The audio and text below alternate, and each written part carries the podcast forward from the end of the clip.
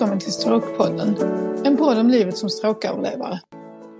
I podden kommer jag, Elin Andersson, att öppet och ärligt dela med mig om livet, dess upp och nedgångar och om hur min vardag som stråköverlevare ser ut. För den 7 januari 2023 började mitt liv 2.0, livet som stråköverlevare. Jag insåg väldigt snart efter insjuknandet att kunskapen och informationen till drabbade och anhöriga, framförallt till oss som är mitt i livet, är oerhört bristfällig. Så min gode vän Ann-Sofie Berg och jag kläckte därför idén om att starta den här podden. Vi hoppas att Stråkpodden ska sprida inspiration, hopp och förhoppningsvis också en del kunskap till alla er där ute som själv är drabbade eller lever som anhörig till en stråköverlevare eller bara är nyfikna på ämnet. Den 7 januari i år drabbades jag av en stor hjärnblödning som jag senare skulle få veta berodde på en fistel. Det är en typ av en kärlmissbildning som hade brustit i min högra hjärnhalva, precis vid hjärnans rörelsecentrum. Innan hjärnblödningen som kom att förändra mitt liv radikalt, eftersom jag till en början var helt förlamad på min vänstra kroppshalva, så levde jag ett väldigt aktivt liv. Jag är gift med Christian och vi har två tonårsdöttrar på 15 och snart 19 år ihop. Vi bor i en en och en halv plans villa i Vellinge som är en liten ort en dryg mil söder om Malmö. Vi har en sibirisk katt, Samira, som är 10 år och en hund, Busse, som är en beagle som är fem år gammal. Jag har alltid älskat att röra på mig och jag har testat många sporter genom åren. Tennis, ishockey, innebandy, pingis, fotboll. Ja, det mesta som fanns att utöva när jag växte upp på 80 och 90-talet. Men de senaste åren har jag blivit mer eller mindre frälst av crossfit och jag tränade detta 4-5 gånger i veckan fram till den 7 januari i år, när mitt liv på ett sätt började om. Även långa promenader ute i naturen med vår hund såg jag till att få till mer eller mindre dagligen i mitt gamla liv. Om ni gillar det här avsnittet så får ni jättegärna dela det så att fler får chans att lyssna. Du kan också välja att följa eller prenumerera på podden så missar du inte när ett nytt avsnitt släpps. Vi hoppas att ni tycker att podden är intressant och vill lyssna. Välkomna till avsnitt 5 och idag så ska vi prata om hur det var att komma hem efter 10 veckor på olika sjukhus. Ja, det var ju lång tid som du var på sjukhusen, men det kändes ändå som den tiden gick ganska så snabbt. Fast det kanske inte alls kändes så för dig. Alltså egentligen gjorde det nog det. Det, det känns lite dubbelt. Dels så det var ju... Det kändes ju som en lång tid när jag kom hem att jag inte hade varit hemma på länge. Samtidigt gick veckorna väldigt fort på sjukhuset för att det var ju liksom saker på gång hela tiden. Och ja, den första veckan hade jag inte så mycket tidsuppfattning alls och sen bara rullade det på. Jag hade liksom fick reda på att nu ska jag vara i Trelleborg några veckor och sen fick jag reda på att jag skulle till Orup och sen så på Orup visste jag ju att det var ganska tidigt att det var sex veckor jag skulle vara där. Så, och då tyckte jag egentligen att tiden gick lite för fort för att jag kände att jag hade velat vara där längre inledningsvis för att jag tänkte att jag kommer aldrig kunna lära mig allt jag vill lära mig på sex veckor. Men sen när det väl började närma sig slutet så kändes det som att det var nog ganska lagom att komma hem nu för då var jag ganska trött på sjukhus och uh, såg fram emot att komma fram till, hem till min egen säng och så. Så att uh, ja, både länge och kort tid. Mm. Och jag tror vi alla var så himla glada över att du fick komma hem för det, det kändes ju som att det var ett sånt stort steg i hela den här processen. Att du fick lov till att komma hem igen och kunde klara det lite själv. Ja, jo men så är det ju. Det var ju skönt att komma hem just och känna att man kunde ta hand om sig själv och vara, alltså bli lite, leva vanligt som man inte hade kunnat göra på sjukhuset. Så blev det mer att vardagen kom tillbaka när jag kom hem. Så på det sättet var det skönt.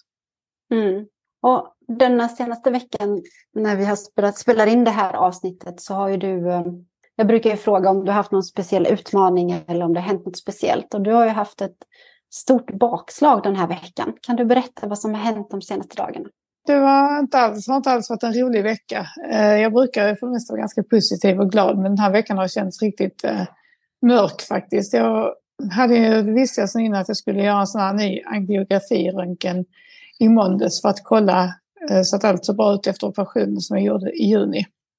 Så att eh, den undersökningen hade jag planerat sedan flera månader tillbaka men när jag väl låg där på undersökningsbordet och läkaren som gjorde undersökningen sa att det var en rest av fisteln kvar så bara kände jag liksom hur marken föll under mig. Liksom att jaha, vad händer nu? Jag är tillbaka på steg ett igen. Och så frågade jag ju direkt såklart vad, hur, vad gör vi åt det? Liksom, är den här lika allvarlig som den andra fisteln jag hade? Och det menar ju på att det är det är fortfarande en fistel, även om den är kanske mindre så är det lika stor blödningsrisk så att vi måste åtgärda den via, genom en operation då.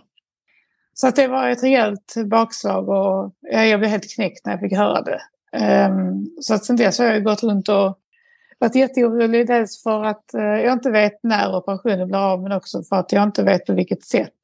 Min neurolog ska ringa upp mig nu i veckan och när han har diskuterat med de andra neurologkollegorna och så. Om de ska gå in via ljumsken som sist eller om det blir att de måste göra en öppen kirurgi för att laga den här fisten. Så det är mycket ovisshet just nu så det kändes riktigt uh, knäckande få det beskedet. Mm. Och du fick träningsstopp också. Ingenting pulshöjande. Precis, det var ju nästan lika, eller det var också extremt knäckande för att det har ju varit det som jag har varit himla glad för nu att jag kommit tillbaka till träningen. Även om jag inte kan träna crossfit på det sättet som jag gjorde innan så har jag kunnat vara med och träna med mina träningsvänner och köra intervaller på huden så att jag har blivit eh, rejält trött och äntligen kunnat känna den här fysiska tröttheten som jag inte har känt innan. Det har mest varit den psykiska tröttheten. Men nu egentligen de sista månaderna har jag kunnat bli ordentligt slutkörd i kroppen också. Men nu sa min läkare till mig att, eh, när, för han ringde upp här eh, efter några dagar och eh, bara pratade lite snabbt med mig, så sa han att det är viktigt nu att du, dels så får jag inte ut och flyga, jag skulle egentligen åka på konferens med mitt jobb om en vecka, men den får jag ställa in. Och sen hade jag en rehabresa till Spanien planerad om två och en halv vecka och den får jag troligen ställa in också. Så jag måste hålla mig på hemmaplan och jag får inte lov att göra någon pulshöjande aktivitet eller göra några lyft eller anstränga mig på något sätt just för risken för en ny blödning tills operationen är gjord. Så det känns också jättetråkigt för att träningen har varit en stor del av mitt, av mitt liv och någonting som jag tyckte var kul. Så nu får jag, jag får gå lugna promenader och så hålla igång eh, här hemma så men inte träna som jag som sagt har gjort mycket innan. Mm. Ja, jag blev så ledsen när jag fick höra om detta och det, det kändes som, precis som du sa förut, att du hamnade på, på ruta ett igen efter allt det hårda arbetet som du har lagt ner här under många månader. Men det är bra att de är väldigt noggranna och att de nu ska se till att det blir åtgärdat igen. Och så får vi hoppas att eh, de får bort allting så att det inte blir fler operationer på detta sätt utan att de kan, kan åtgärda det ordentligt det är ju väldigt svårt att veta hur man ska stötta i sådana här situationer, för man blir ju själv så himla ledsen för den drabbades skull. Men eh, jag vet inte, antar, antar att man bara kan visa full förståelse för den drabbade eh, och att den drabbade får lov att vara ledsen och kanske få en liten svacka, att det är okej. Okay. Och sen så får man peppa igen. Hur, hur känner du att det har varit under den här veckan? Hur har folk reagerat? Ja, precis som du säger, alla har varit väldigt peppande och stöttande, både Alltså ni vänner som jag har runt mig och familjen, men även då folk som jag absolut inte känner på Instagram. När jag har gjort inlägg och så som hört av sig och liksom visat sin omtanke och så. Och det är liksom fullt tillräckligt. Sen så har ju min man då som jag berättat om innan som alltid är en ständigt positiv och ser allting från den ljusa sidan. Vilket jag såklart är tacksam för. Det är bättre det än att han också deppar ihop som jag och liksom blir ett eh, eh, nervvrak. Så att jag är glad att han är så positiv. Men det kan vara lite enerverande emellanåt när man känner liksom att, att hoppet är ute och så får man bara höra nej men pigga nu upp dig. Allting kommer bli jättebra. Snart sitter där vid eh, köksbordet och dricker kaffe igen och så känner man bara att det där är liksom så. Jag kan inte ens tänka så just nu. Men som sagt samtidigt är jag väldigt tacksam för att han är så, så positiv och peppande. Så att eh, jag har fått väldigt mycket stöd och eh, omtanke och, och pepp både från kända och okända människor i min närhet som jag är jättetacksam för. Mm. Det är ju väldigt viktigt att man håller alla nära och inte stöter bort fastän man kanske helst bara vill krypa in under täcket och ge upp. Precis, och sen så barnen har ju, jag är glad att de inte har liksom verkat så påverkande utan de, de har ju märkt att jag har varit ledsen och liksom på sitt sätt haft förståelse för det men samtidigt eh, har de fortsatt sin vardag, liksom träffa kompisar och gör allt de gör och inte verkat liksom bry sig kanske fel ord, men att, att de har liksom levt vidare och inte varit så grävt ner sig i detta. Och det är jag i och för sig glad för, för det visar ju på att de känner sig trygga med att det här ska gå bra. Och då känns det liksom lite lättare för mig också att försöka tänka positivt. Mm. Men eh, nu tycker jag, ska vi inte gå in och prata om dagens ämne? Ja, men det tycker jag vi gör. Så sex veckor, visst var det sex veckor som du var på Orup? Ja, det stämmer. Och hur var det att lämna Orup och hur var känslan att äntligen få flytta hem igen? Jo, men jag var ju på ett sätt var jag väldigt redo att åka hem för att jag hade varit där i sex veckor och kände att det skulle ändå bli skönt att komma hem till familjen och till min egna säng och få komma tillbaka till vardagen. Sen var det också såklart sorgligt för det var ett avsked. Jag hade varit där i sex veckor och lärt känna personalen väldigt väl och tyckte mycket om liksom, de som undersköterskor och fysio och arbetsterapeuter som tog hand om mig. Eh, så det var ju liksom eh, lite så sorgligt som sagt. Eh, men sen var jag också lite ganska irriterad under den dagen jag blev utskriven för att jag hade ju fortfarande inte blivit av med min nervsmärta i handen. Den hade ju följt med ända från Trelleborg och jag hade fått veta att i, på Europe är de experter och där kommer de hjälpa dig så att du blir av med nervsmärtan. Liksom. Men det hade de inte lyckats med. De skickade mig på lite undersökningar sista veckan men jag kände ju inte riktigt att jag blev hjälpt på det sättet som jag hade hoppats utan att de liksom försökte hitta någon snabb lösning på det innan jag skulle bli utskriven men inte lyckades. Så jag var lite irriterad på läkarna där framförallt för att det var egentligen bara de som jag kände att, att de inte hade hjälpt mig så mycket som jag ville. Eh, för att jag, jag menar på att ni kan inte skriva ut mig och jag, jag kan inte åka hem med den här smärtan i handen och inte kunna, för jag sov ju ingenting på nätterna de sista veckorna. Jag vaknade var 20 minuter varje natt och hade sådana extrema smärtor så jag låg och grät liksom. Och då tyckte att ni, och då menade de på att nej men det får Trelleborg ta, ta över nu när det var utskriven. Det är det Trelleborgs sjukhus som tar över både rehabiliteringen och det här med smärtan. Och det ville jag inte riktigt acceptera utan jag tyckte att innan ni skrev ut mig härifrån så får ni ha hjälpt mig så att jag inte har kvar den här smärtan på detta sättet. Och, så det var ju liksom, jag minns jag var ganska arg där sista dagen just på grund av det. Men i övrigt så var det ju skönt att komma hem och samtidigt som det var ledsamt att ta avsked av alla underbara personal som jag tagit hand om mig där. Mm. Även den här osäkerheten att veta att nu ska jag hem och klara mig själv. Det finns inga undersköterskor som tar hand om mig och hjälper mig med allt jag behöver hjälp med. Det finns ingen klocka att ringa på när jag behöver hjälp. Så att visst var det lite läskigt också och sorgligt samtidigt lämnas. Men jag kände mig på ett sätt redo att, att åka hem när de här sex veckorna var slut. Kan du beskriva din första eftermiddag hemma? Ja, jag tänkte att jag kanske kunde läsa lite till i min dagbok för jag beskrev ganska så med känslor så hur det var att komma hem. Så att det tänkte jag att jag skulle kunna göra. Mm.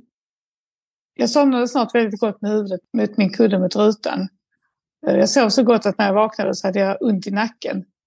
Och det första som mötte mig var att vår hund Busse kom springandes eh, mot mig när jag kom in genom dörren. Han var överlycklig att se mig. Min yngsta dotter Moa var hemma och hon kom ner och, och sa hej till, till mig och vi gav varandra en kram. Och sen så satte jag mig vid köksbordet och tittade likgiltigt fram och kände mig plötsligt helt tom. Uh, ja, nu var jag ju hemma igen men så kände jag också, vad ska jag göra här nu? Helt plötsligt kände jag mig så himla handikappad och även lite ledsen. Eh, men då kom Christian och piggade upp mig med ett leende. Och sen så körde han ner och handlade. Och jag började packa upp mina saker som jag hade haft med mig på Orup då. Ganska snart när jag hade börjat med den här upppackningen så blev jag helt trött och färdig. Så då bad jag då Moa, min dotter, komma ner och hjälpa mig att packa upp min eh, bok och dator. Och sen så la jag mig på soffan och läste en stund. Medan Christian kom hem från affären och packade upp maten. Och sen så sa jag till Christian, för han hade bokat in ett träningspass och han tänkte att han skulle avboka det. Men så sa jag, åk du och träna, det känns bättre att du gör liksom dina vardagsrutiner. Så jag klarar mig här hemma, jag har barnen hemma. Liksom. Så han åkte och tränade och då satte jag mig i soffan och skrev in i min dagbok. Och fortfarande då så skrev jag i dagbok varje dag. Eh, och sen samtidigt så kom då min äldsta dotter Olivia hem från skolan och vi satt och småpratade lite. Och sen vid sextiden så gick jag ut i köket och hjälpte Moa, min andra dotter, då, så gott jag kunde med att förbereda middagen. Och idag så skulle det bli grillspett med hasselbackspotatis och sås. Så jag instruerade henne lite och sen så eh, vågade jag mig på att själv gå ut i förrådet som jag inte hade gjort innan. Men jag tänkte nu ska jag testa att göra det för att hämta grillolja som stod i kylen där. Men då blev både Moa och Olivia så oroliga för att jag skulle ramla så att Moa kom ut springande och hjälpte mig att bära in grilloljan. Och då kände jag att gud vad härligt det är att vara hemma igen. Jag kan liksom vara mig själv och, och försöka så gott jag kan och göra det jag kan så att säga. Och jag känner också att jag kunde liksom njuta av nuet och de små händelserna i vardagen. Och på ett sätt som jag inte har känt innan hjärnblödningen. Jag uppskattar liksom sådana här små saker. Så sen hjälptes vi åt med middagen och när Christian kom hem så grillade han ute i det snöblandade regnet. Det var en sån här vårvinterdag som var ganska eh, kylig. Men han stod där och grillade. Och sen så åt vi ihop hela familjen middagen som blev jättegod. Och det var till och med lite så sommarfeeling eftersom det blev då kolgrillade grillspett. Och efter middagen så gick Christian ut med vår hund och medan jag satt och kollade på tv och stummade till en stund för jag var jättetrött. Och sen när eh, Christian kom hem med hunden så fikade vi i soffan och då hade Christian lagat tiramisu till lite efterrätt till oss. Som jag älskar, så det var jättegott. Och sen vid tio tiden så var jag helt färdig. Så då gick vi båda två och la oss eh, och somnade jag hade svårt att somna som jag alltid hade på den här tiden för jag hade så himla ont i handen. Och så kände jag mig orolig över vad som kunde hända eftersom jag var hemma själv nu liksom, och inte hade någon nattsköterska som tog hand om mig på natten. Så att jag tog en sån här eh, tablett mot oro och ångest som jag hade fått utskriven. Och sen efter det så låg jag och lyssnade lite på radio och sen så somnade jag eh, gott och sov fram till, till fyra på morgonen när jag vaknade hade ont i, i handen igen. Så det var så första dygnet såg ut. Eh, eller mm. eftermiddagen och kvällen när jag kom hem. Mm. Och då hade du alla hemma första dagen där när du kom hem. Hur såg det ut sen? De första nästkommande dagarna, hade du alla hemma då? Eh, ja, första dagarna så var alla hemma men sen så visste jag sen innan att Christian skulle jobba. Jag tror jag kom hem en onsdag, sen skulle han jobba natt hela helgen från fredag till måndag. Och det var jag lite orolig för, för jag, även om barnen var hemma så då, de är tonåringar så de är inte, jag kände att jag kan inte kräva att de ska vara hemma och ta hand om sin mamma dygnet runt. Så att jag var lite orolig över hur, hur det skulle gå men eh, då hade min mamma erbjudit sig att komma ner och vara hos mig. Eh, och jag bara umgås och hjälpa till med matlagning och så. så att, när Christian åkte och jobbade så kom hon ner en eftermiddag, hon och hennes man. Och så ja, var de, hjälpte de till att gå ut med buss och lagade middag och så. Och sen så var ju Olivia och Moa hemma på delar av dagen också. Och jag minns de första kvällarna där när Christian jobbade natt så kom Olivia ner och hjälpte mig innan jag skulle gå och lägga mig med att få av mig kläderna. För det är svårt att ta av mig alla kläder själv och så. Och eh, jag fanns där för mig om jag skulle liksom känna mig ostadig. För jag var ganska yr och så. Så att jag kunde gå in i badrummet och till sängen och så, så jag kom i säng ordentligt själv. Så, så det kändes tryggt ändå att, att hon är så pass stor så att hon kunde, och även Moa var ju ganska stor så att båda de två kunde hjälpa mig att sköta, att, att jag kunde känna mig trygg när jag var hemma liksom. Mm. Och så där, jag vet att vi pratades vid just då att du tyckte det var lite jobbigt att Christian skulle vara borta de första, där, inte de första dagarna men då de här dagarna. Och att du bad din mamma komma. Var det saker som du undvek så här i början för att du var lite osäker på om du skulle klara av dem när du var själv hemma? Alltså det var väl inget så direkt som liksom jag inte gjorde. Men däremot så jag fick ett trygghetslarm som jag hade beställt redan när jag var på Orup att jag ville ha. För jag kände att, jag, att det kunde vara bra. Även om det tog emot mycket så kände jag att det kunde vara en bra idé att ha det den första tiden. Så att jag kunde känna mig trygg när jag var själv hemma. Så det hade jag ju så att jag kunde våga gå runt i hemmet och ta mig runt på toalett och dusch och, och så även när jag var själv hemma. Mm, jag kommer ihåg att du var inte helt nöjd med det där larmet ändå. Det fick dig att känna, känna dig lite extra gammal. Visst var det så? Det stämmer. Jag har nästan förträngt det nu, men jag tyckte det var ganska jobbigt för att jag kände mig verkligen som att jag var hundra år gammal och inte kunde göra någonting själv. Jag var tvungen att ha ett larm på armen och trycka på om det skulle, om det skulle hända någonting. Så jag, det var lite motståndare till det, men mixade feeling, blandade känslor helt enkelt. Verkligen, men sen så lyckades ju bland annat du Fia övertyga mig till att det var en bra idé att ha det. så att jag är ändå glad att jag hade det. Sen så sa jag upp det redan efter en månad för att jag kände att jag, då var jag så pass trygg så att jag kunde klara mig utan det. Men de första dagarna ska jag faktiskt erkänna att det var riktigt skönt att ha det. För att även om barnen var hemma mycket och mamma kom ner så var det ändå stunder när jag var helt själv. Och det kändes ändå bra att ha det som en extra trygghet och kunna ringa om det skulle vara någonting. Mm. Det är ju lätt att man ramlar när man är lite ostabil. Man behöver inte göra någonting fel för det, liksom, för att man ska eh, ramla omkull. Och du, du beskrev förut att du första kvällen där att du behövde ta lite hjälpmedel för att kunna somna in och att du även hade fortfarande ganska ont i handen. Eh, hur gick det de nästkommande dagarna där? Hur var det med sömnen och hur gick det med handen? Alltså jag hade ju, jag satt faktiskt och läste min dagbok nu häromdagen inför det här avsnittet också för att se hur var det egentligen med smärtan och handen. Och den smärtan satt ju i ett, ett, två veckor ungefär efter att jag kom hem så hade jag fortfarande lika svårt att sova och vakna. Det var 20 minuter av de här fruktansvärda nervsmärtorna. Liksom. Så att jag, och jag hade ju fått tabletter med mig hem. Dels hade jag ju sådana här smärt, äh, eh, tabletter mot nervsmärta som jag i och för sig eh, valde själv att börja trappa ner för att jag märkte att de hjälpte mig ingenting. Men sen har jag fått extra starka värktabletter också som jag kunde ta förebyggande för just att försöka kunna sova lite bättre. Men de hjälpte ju i princip ingenting alls. Så det var ju väldigt lite dålig sömn de första veckorna och mycket tabletter. Men sen var det en vändpunkt där när jag hade börjat på dagrehab i Trelleborg så sa arbetsterapeuten där till mig att ta bort den här så kallade ortosen som jag hade runt överarmen för att hålla axel, axeln i led så att säga. Hon sa att den där hjälper nog dig mer än vad den hjälper så prova att ta bort den. Det är som en, eh, är det, det är som en mitella ungefär? Eller vad kan man förklara den som?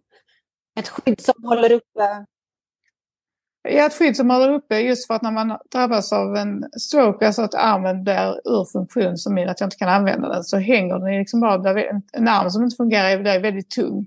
Och det är det jättevanligt att eh, axeln liksom hoppar, inte hoppar ur led, men lite att den åker ner. Överarmen åker liksom ner från axeln. Och då har man den här så kallade ortosen för, som kändes lite som en tvångströja som sitter fast, som håller liksom axelpartiet i, i led på överarmen. Så den hade jag ju på mig varenda dag och det hade vi sagt på att jag skulle ha. Men när arbetsterapeuten i Trelleborg tyckte att jag skulle prova att ta bort den.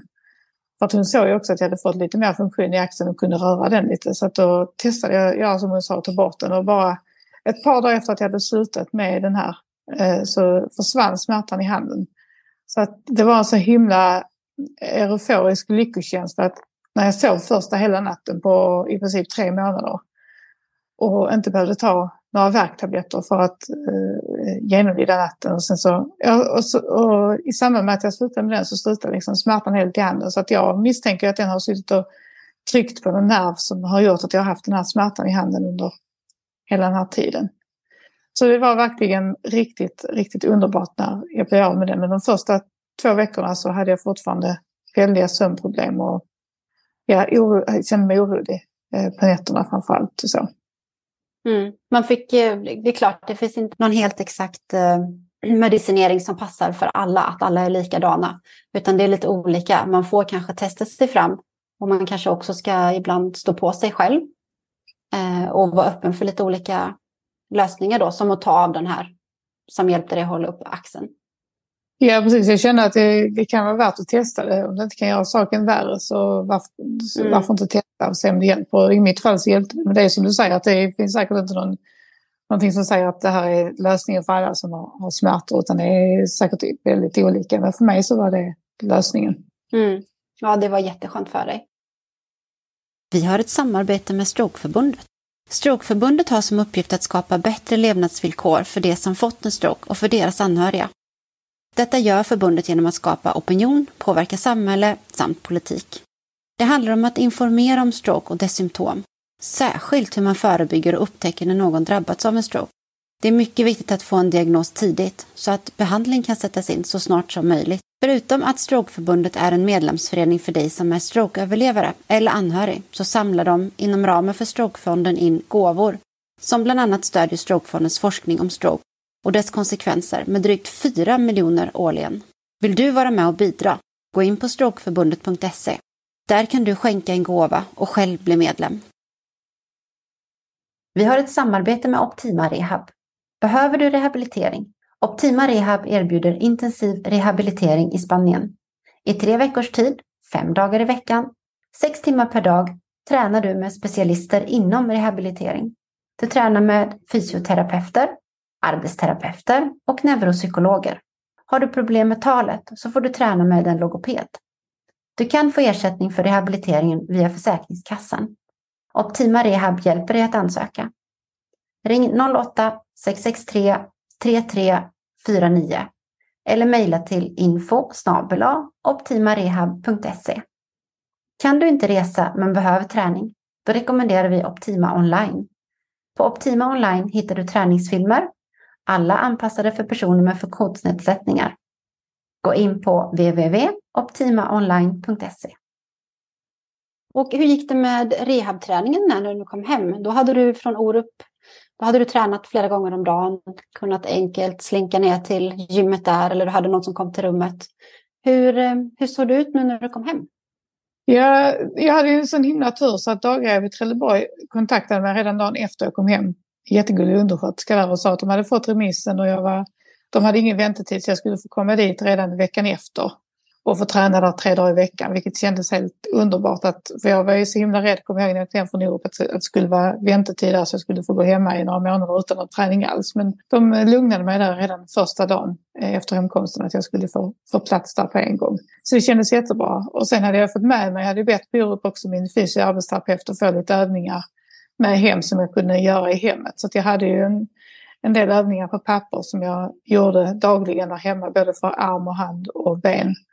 Så det körde jag på i hemmet eh, den första veckan innan jag då började på dagrev. Och det är någonting som du fortfarande gör flera gånger i veckan? Ja, men det är det. Nu som sagt så får jag inte göra något pulshöjande och några lyft och så, men fortfarande stretcha hand och arm gör jag varje dag minst en gång om dagen. Har jag ett program som jag kör igenom och det har jag fått mycket nu senast i fredags när jag var på fysioterapin så sa de att eh, tack vare att jag har varit så duktig med att stretcha min hand och arm så har jag jättebra rörlighet även i den svaga sidan. Så att jag är så himla glad att jag verkligen har hållit i detta. Det är inte världens roligaste övningar men jag tar fem minuter varje morgon och sen ibland lika mycket på kvällen och gör, kör igenom det här programmet. Och jag märker ju själv att jag har mycket lättare att, att röra i min orörliga eller mindre rörliga sida så att säga tack vare det här. Och även benet kör jag, även om jag inte får göra några lyft nu, så har jag liksom stretchövningar för vaden och baksida lås, eller framsida lås som jag gör varje dag. Och uppresningar och så för att hålla kvar rörligheten och funktionen i det som jag har fått tillbaka så att säga. Mm. Ja, det är nog viktigt att fortsätta med de rutinerna som man, som man får göra. Eh, och att man verkligen gör det varje dag, inte nu och då imorgon och säger att jag gör det imorgon eller jag gör det sen, utan att man verkligen antingen kanske sätter timer på sin telefon. Eller någonting annat, planerar in det mm. varje dag kanske.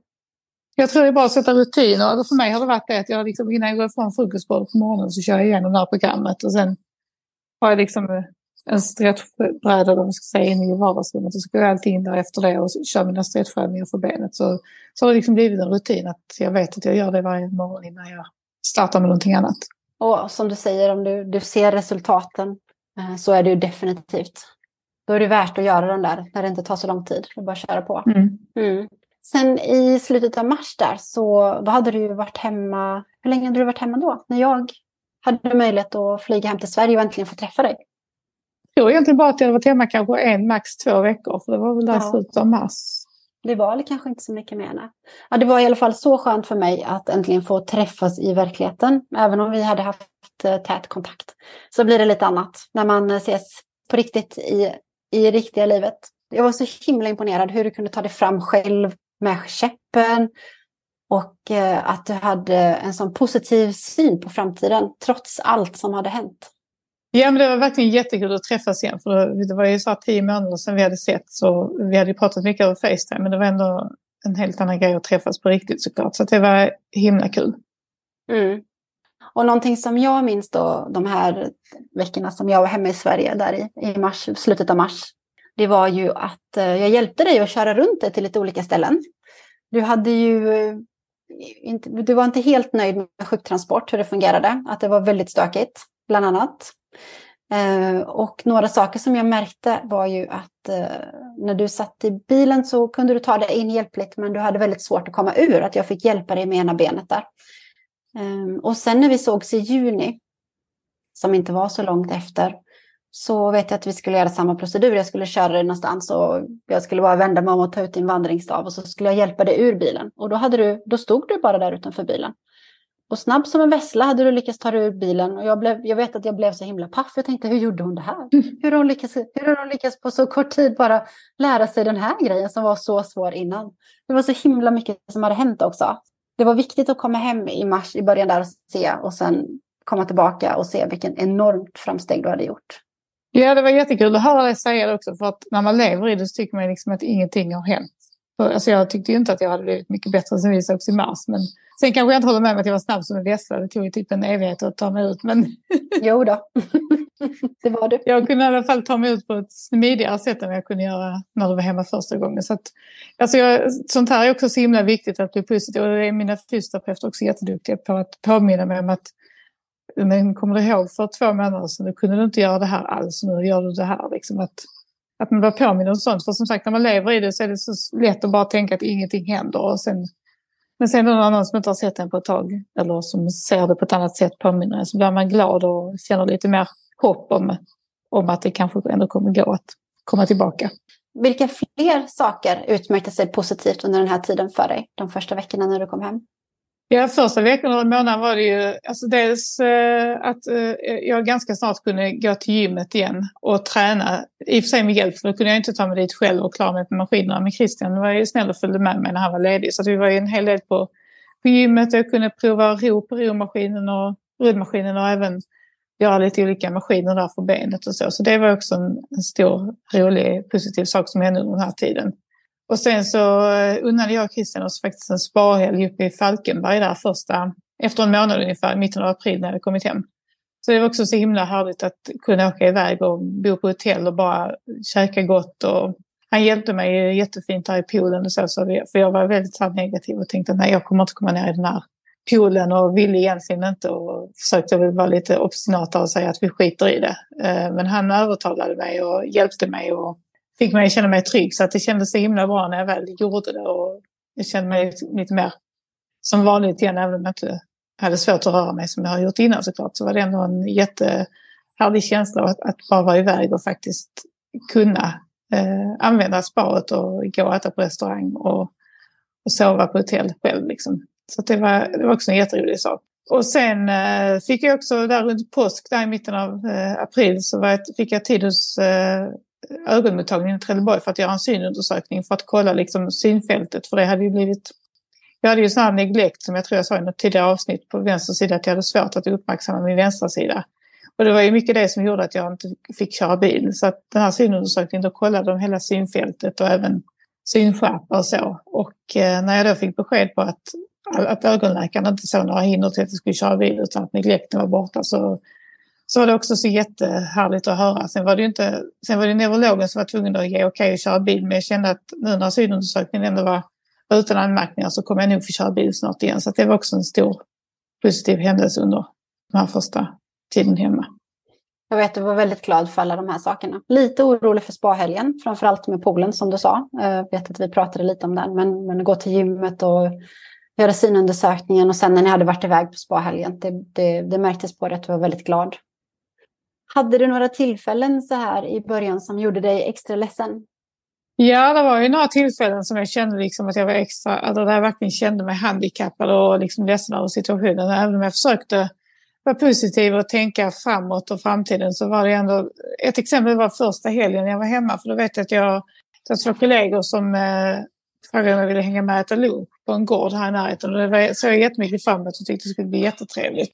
Men så minns jag att när jag var där, vi skulle, det var liksom en liten butik i anslutning till kaféet, så skulle vi gå och kika lite i butiken efteråt. Och då kände jag när jag gick runt där med min käpp att jag blev väldigt yr och det var mycket människor, eller egentligen inte mycket människor för att vara en, en helg, men i min hjärnan så var det väldigt mycket folk och jag kände mig yr och att jag inte fixade den situationen. Och då kände jag mig liksom så lite ledsen och att det här är det så här livet ska vara nu, att jag inte ska kunna vara ute bland folk utan att jag blir yr och mår dåligt. Liksom. Så att, då kände jag mig, även om jag njöt av lunchen och träffade dem, så kände jag mig ja, handikappad och att, att det kändes negativt. Liksom.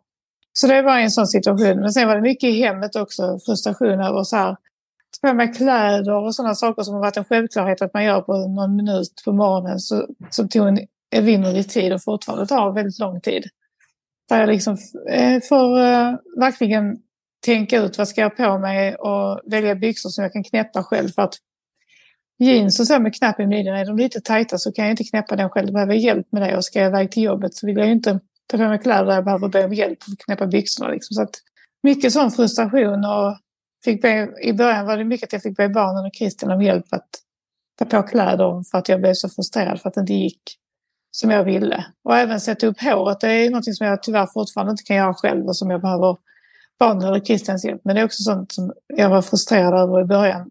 Just för att jag hade gjort det utan att tänka på det innan. Men helt plötsligt så blev det en jätteutmaning och någonting som var riktigt frustrerande och svårt. Så det var mycket känslor där i början och att jag bröt ihop eh, när som helst. Liksom bara kände att, att det var jobbigt, liksom, eh, situationen i sig. Mm. Men så försökte jag ändå vara positiv. Men det, var, det kom ganska ofta över mig, mm. den här hjälplösheten. Man är så van att klara sig själv och så kan man inte det plötsligt. Precis. Men jag kan bara tänka mig det här, hur, pratar vi sist om det här med att sätta upp håret, att det är en sak, men hur, hur tar man på sig en bh liksom? Alltså, det spelar ju ingen roll om det är en sport-bh eller en med, med, med knäppe. Det är ju liksom helt omöjligt att göra med en hand. Ja, och det är en sån grej som jag fortfarande... Alltså jag har ju köpt en massa sådana här trä över huvudet-toppar. Men eh, det är fortfarande inte enkelt. Vissa dagar kan jag bli helt genomsvettig bara av att ta på mig en sån topp för att de är tajta och de ska hamna rätt och så vidare. Så att, mm. Sånt som du säger som man har tagit som självklart innan helt plötsligt får man börja kanske köpa andra varianter av kläder och ja, verkligen att det blir en ansträngning att göra liksom. Mm, det förstår jag. Och så här i början, var det några speciella hjälpmedel som du fick använda också? Eller som du fick tillhanda? Jo, i början så fick jag då låna eller hyra en del hjälpmedel från kommunen. Jag tror att det är olika vilken kommun man bor i i Sverige så får man antingen hyra eller låna saker som man behöver i hemmet.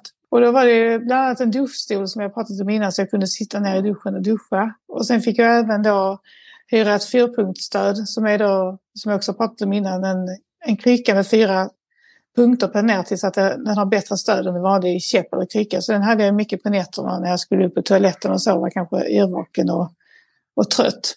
Och sen fick jag också eh, hyra en arbetsstol och det ser ut ungefär som en vanlig, man tänker sig en skrivbordsstol med hjul på som man kan låsa och sen så kan man då höja och sänka den och ändra ryggstöd och så, så att man kan få en bra position när man sitter och äter eller om man föredrar att sitta vid, i, när man lagar mat för att få bättre balans när man skär och håller på med matlagning.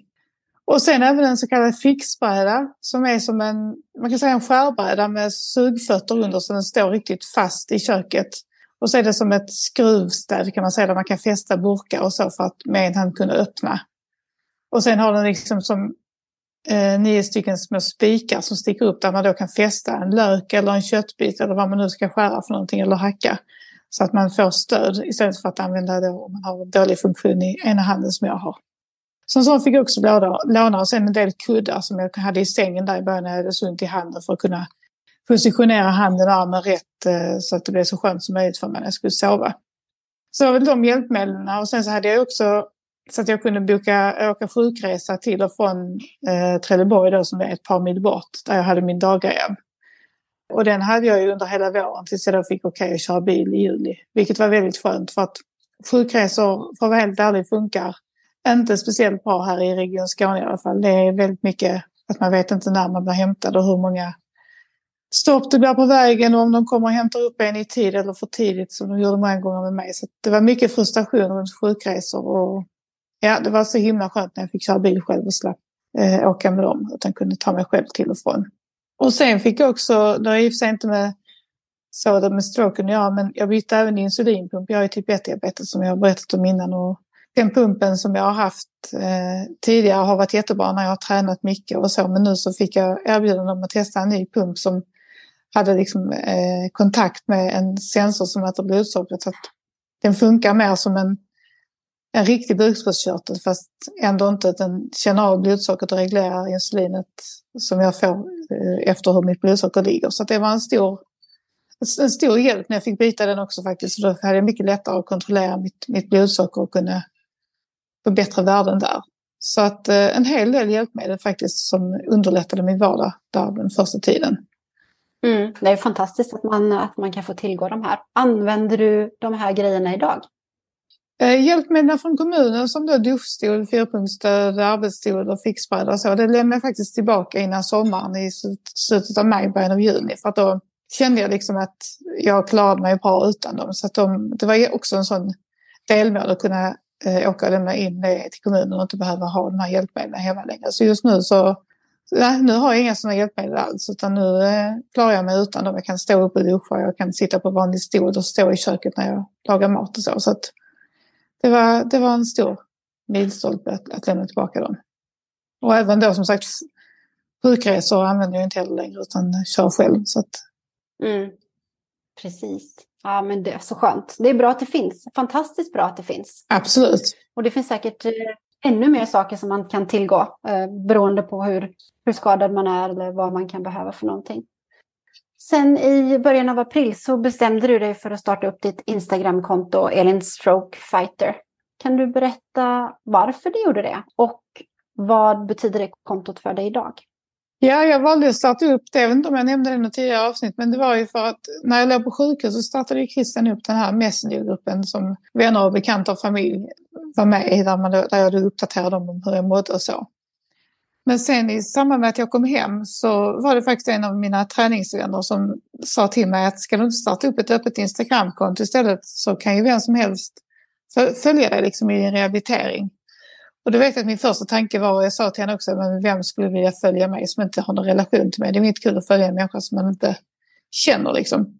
Men så tyckte hon ändå att hon stod på sig, liksom, ja men varför? Det är väl klart, det är väl jätteintressant och jag tror jag absolut skulle vara andra som vill följa det. Så att jag tänkte att ja, jag har inget att förlora på det, jag kan ju testa, är det några andra människor som skulle hitta mig som tycker att jag verkar intressant att följa så skadar inte det liksom. Så att jag startade upp då, det här Elin Stroke Fighter den, jag tror faktiskt det var den 11 april nu när jag tittade tillbaka till, i min dagbok som jag öppnade det kontot och då la ner Messengergruppen och skickade till alla där att nu har jag startat det här kontot istället där ni kan följa mig på min resa. Och eh, i början var det som sagt bara för att eh, mest för egen del men också uppdatera vänner och bekanta om hur det gick i min rehabilitering och vad jag eh, liksom fyllde mina dagar med. Men sen så eh, någon gång runt midsommar tror jag det var, det var precis där när vi åkte iväg till Sardinien så märkte jag att eh, helt plötsligt började explodera antalet följare över bara några nätter så hade jag flera tusen följare och sen så var jag uppe i 10 000 följare. Och, så, och jag förstod liksom inte riktigt vad det var som hade gjort att det blev så spritt men eh, jag var inte riktigt beredd på det heller. Men plötsligt började jag liksom få meddelande från folk som jag inte kände som hade hittat mig och som skrev att de tackade mig så mycket för att jag inspirerade dem till att komma igång med sin rehabträning och att jag var en stor ja, inspiratör helt enkelt. Och det var några som skrev till mig att de hade liksom tagit sig upp ur sängen och gått och tränat idag tack vare att de hade sett att jag satt på cykeln och cyklade och, och sådana saker. Och då kände jag att wow, kan jag genom att bara göra ett inlägg om det jag ändå håller på att göra, som jag ändå uppdaterar mina vänner med, få andra människor att känna en, ett hopp och en inspiration så är det ju superhäftigt liksom. Så då fick ju kontot en, hel, en helt annan innebörd. Och sen, ja nu är jag uppe i över 21 000 följare så det är ju, jag fattar inte själv att det har växt så mycket men samtidigt så ger det ju mig jag blev peppad av det också att få alla de här hejaropen och folk, alltså alla är så himla, nästan bara folk som skriver positiva saker och tackar mig och, och känner att de har kommit igång med sin träning på grund av att de ser mig träna och ligga i med min, min rehabträning. Så det är superhäftigt. Mm. Och även då har jag märkt att, nu bor jag i en ganska liten ort, Vellinge, men när jag är ute och går mina dagliga promenader och är nere i byn och handlar och så, så kommer det fram människor som är liksom okända för mig och känner igen mig från Instagram och tackar mig för mitt konto och ja, bara säger några ord liksom. Så det är också så häftigt. Jag har bott här i 14 år och jag har aldrig pratat med så mycket folk i byn som jag gör nu för att alla kommer, många kommer fram och, och känner igen mig och, och tycker att det, det jag gör är bra. Mm. Ja, det har verkligen eh, slagit stort och det är ju helt fantastiskt att det kan hjälpa andra människor också, likväl som det hjälper dig. Det är jättefantastiskt. Ja, det är häftigt att det kan, att det kan bli så. Mm, verkligen. Men i nästa avsnitt då, då ska vi prata om den här ovissheten om hjärnblödningen. Att du vid det här laget då inte vet varför du har fått en hjärnblödning och hur utredningen där går till. Och då hoppas vi också att vi ska kunna berätta mer om hur bakslaget som du har haft den här veckan har utvecklats. Ja, jag ser verkligen fram emot att kunna vara tillbaka då i full fart igen med min rehabilitering och ha kunnat lägga den här nya operationen bakom mig. Så att, eh, och då tänker jag som sagt, som du sa också, att vi pratar dels om Eh, hur, eh, hur det var innan jag fick reda på att jag hade en fistel. Hur allt det gick till och sen så då det här sista som hände nu i veckan med bakslaget och eh, förhoppningsvis eh, en ny operation som jag hoppas ska gå bra och att jag kommer tillbaka och kan fortsätta träna igen. Så vi hörs igen om ett par veckor. Vill ni följa med mig på min resa så finns jag på Instagram och där heter jag Elin Strokefighter. Och där på Instagram så delar jag med mig av min rehabilitering och min träning och mina utmaningar i vardagen. Eh, ni får gärna mejla mig också på mejladressen elinstrokefighter.gmail.com. Vi hörs i nästa avsnitt.